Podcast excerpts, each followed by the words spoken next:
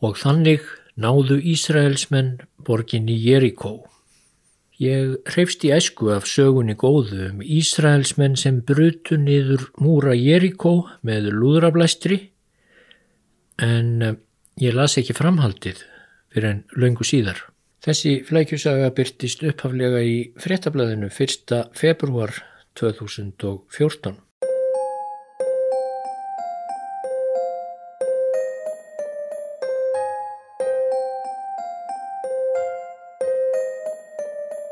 Heldur þið ekki að þú verðir bara prestur?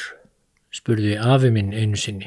Hann var sjálfur prestur, sér að Jakob Jónsson, merkis klerkur í Reykjavík á sinni tíð og ég held að honum hafi aðra röndina leiðst að enginn af sónum hans þremur hafi fetað í fótspór hans. Sjálfur var hann komin af prestum langt aftur í ættir.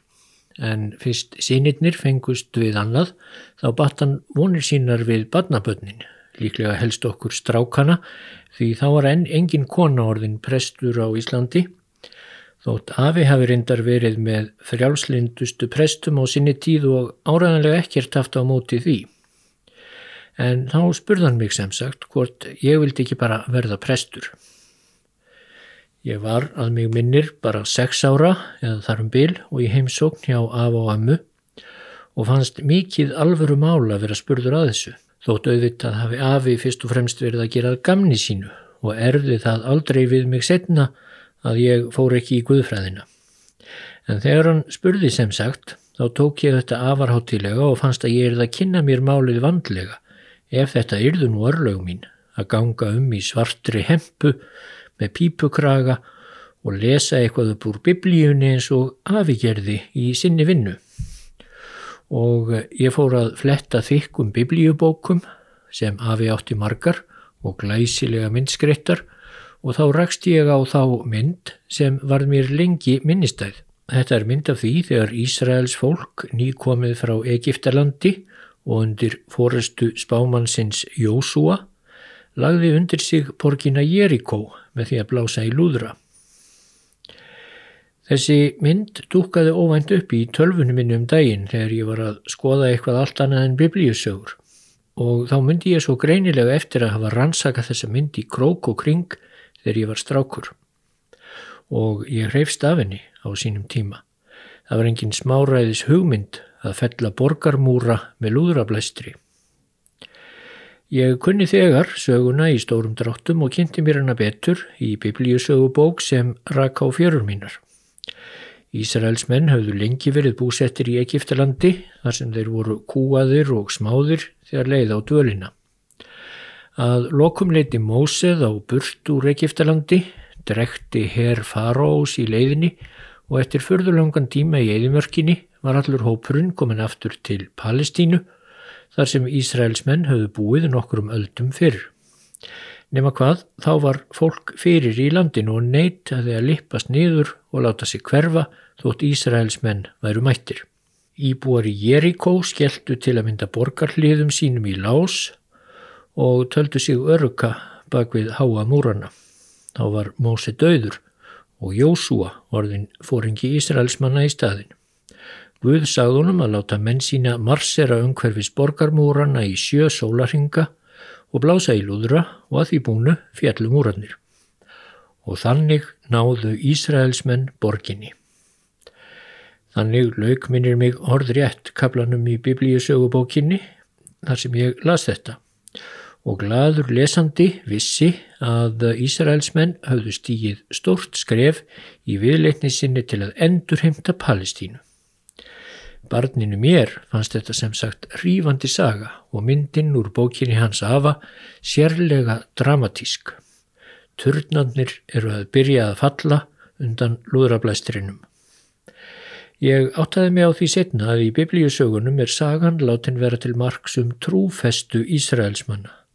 Guð launaði þeim með borginni Jerikó fyrir að trúa því statt og stöðugt að því Guð sagði það að lúðrablasturinn myndi verða til þess að múrarnir fjellu. Þannig er sagan líka tólkuð á biblíuvefjum nútímans. Ég er búin að skoða nokkra slíka, flestir eru hýstir í Ameríku og alltaf líkur sögunni eins og þannig náðu Ísraelsmenn borginni. Nú er það svo að einn stór hindrun í vegi þess að ég yrði prestur eins og afi vonaði, kannski í alvörunni, hún var svo að ég fann ekki í brjósti mér vott af trú en hana taldi ég að prestar hlitu að þurfa. Í staðin var það sagan og þó líka sjálf náttúrufræðin í sögunu múrana um Jerikó sem hafðaði til mín. Hvernig í ósköpunum gati þetta gerst? Þegar ég egnaðist á næstu árum ímsar fjölfræðibækur við barnahæfi Þá skoðaði ég alltaf kaplanum hljóðbylgjur af einstakri aðtíkli. Gat verið að einhvern veginn hefði tekist að magna hljóðbylgjur svo í lúðurum Ísraels manna að þess vegna hefðu múratnir hrunnið.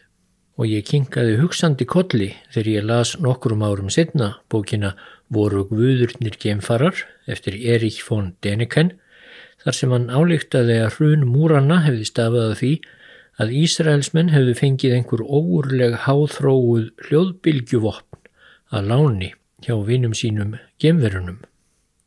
Í einhver misseri taldi ég að slíkt hefði vel getað átt sér stað.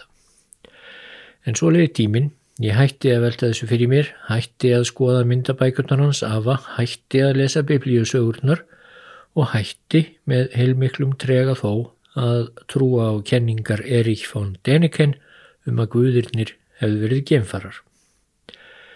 Sagan um Jósúa og lúðrasveit hans við Jerikó blundaði bara einhver staður í minninu sem táknmyndum trúfestu og mikilfengleik Guðs og gæsku hans við sitt fólk þótt ég sjálfur triði engu í þá áttina í raun og veru.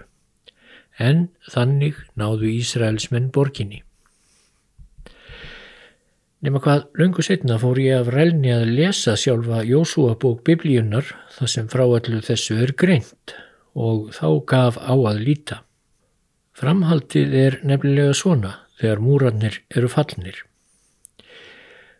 Allt sem í borginni var helguðu þeir banni, karla og konur, unga og gamla, nautgripi, söðfi og asna, allt helguðu þeir banni með sverðs eggjum. Þannig er þetta orðað í nýju biblíu þýðingunni sem er aðeins farra ára gömul. En hvað þýðir þetta? Helguð þeirri banni. Er þetta vísveitandi tilraun þýðendana til að draga fjöður yfir það sem raunverulega gerðist eða á að hafa gerst?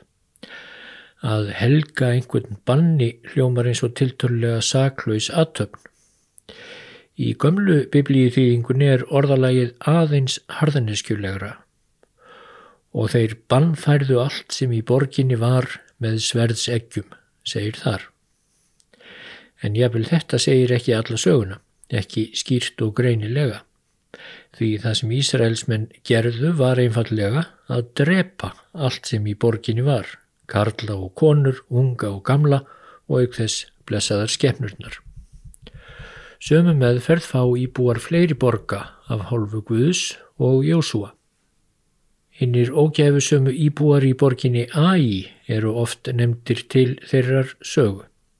Í biblíinu segir Ísraelsmenn hjöggu ægimenn til síðasta manns, enginn varð eftir og enginn gatt bjargað sér á flótta, 12.000 fjallu þann dag, karlar og konur, allir íbúar ægi. Sumir guðfræðingar munu hafa reynd að réttlæta fjöldamorðið í ægi með því að íbúar þar og í nærlikjandi borgum hafi dýrkað grimma guði eins og bal sem krafðist mannfórna. Því er þá til að svara að heimildir um hinnar grimmilegu mannfórnir sem bal á að hafa heimtað eru ærið vafasamar. Vel getur svo sem verið að bal hafi stundum heimtað mannsblóð. Það hafa nálega allir guður gert fyrir eða síðar. En heimildir um grimdina og ólifnaðin sem fylgdi balstýrkun eru raunar fyrst og fremst komnar úr Gamla testamentinu. Sennilega hefur Bal ekki verið hótinu grimmari en til dæmis Gamla testamentis Guðin sjálfur. En fleiri en íbúar ægi máttu þóla hörð örlög, segir í biblíunni. Dæmi nánast af handahófi, borgin Lífna Jósúa hjóniður alla sem í henni byggu allt kvikt með sverðsegjum. Borgin Hóram, Jósúa let engan flottamann sleppa. Hebrón, Jósúa feldi með sverðseggjum alla íbúa borgarinnar, allt lifandi í henni og í borgunum umhverfis Hebrón engan flótamann letuðir sleppa. Og þannig mætti lengi telja. Í 11. kapitúla Jósúa bókar kemur meira að segja persónleg skipun frá Guði um að Jósúa skuli láta skera á hásinnar hesta sem andstæðingarnir beita fyrir stríðsvagna sína ekki einu sinni skínlausar skeppnur njóta miskunnar Guðs. Hvernig það má vera að sögur um Jerikó og aðrar borgir þar um slóðir séu táknum gesku og mikilfengleik Guðs eins og ég held í bernsku minni, það skildi ég náttúrulega ekki setna, ekki eftir að ég hafi lesið þetta í raun og veru. Og þegar þarna var komið sögu var afi minn dáinn, svo ég gæti ekki spurt hann hvernig hann leitt á málið en allra skrítnast er þó að sennilega er þetta allt saman uppspunni. Fordlefafræðingar hafa nefnilega ekki fundið neyn merki um hrunda múra Jerikoborgar frá þeim tíma sem hér um ræðir og þeir hafa heldur ekki fundið um merki um fjöldamorð aðkomumanna líkt og biblían greinir frá að Jósúa hafi staðið fyrir í Æ, Hebrón og víðar. Á einhverjum tímapunkti hafa skrifarar Ísraels manna sem sagt talið æskilegt að ljúa upp á sjálfa sig því líkum fjöldamorðum sem Jósúa bók skýrir frá. Það er næstum því enn óskiljanlegra en að fremja slík fjöldamorð í raun og veru.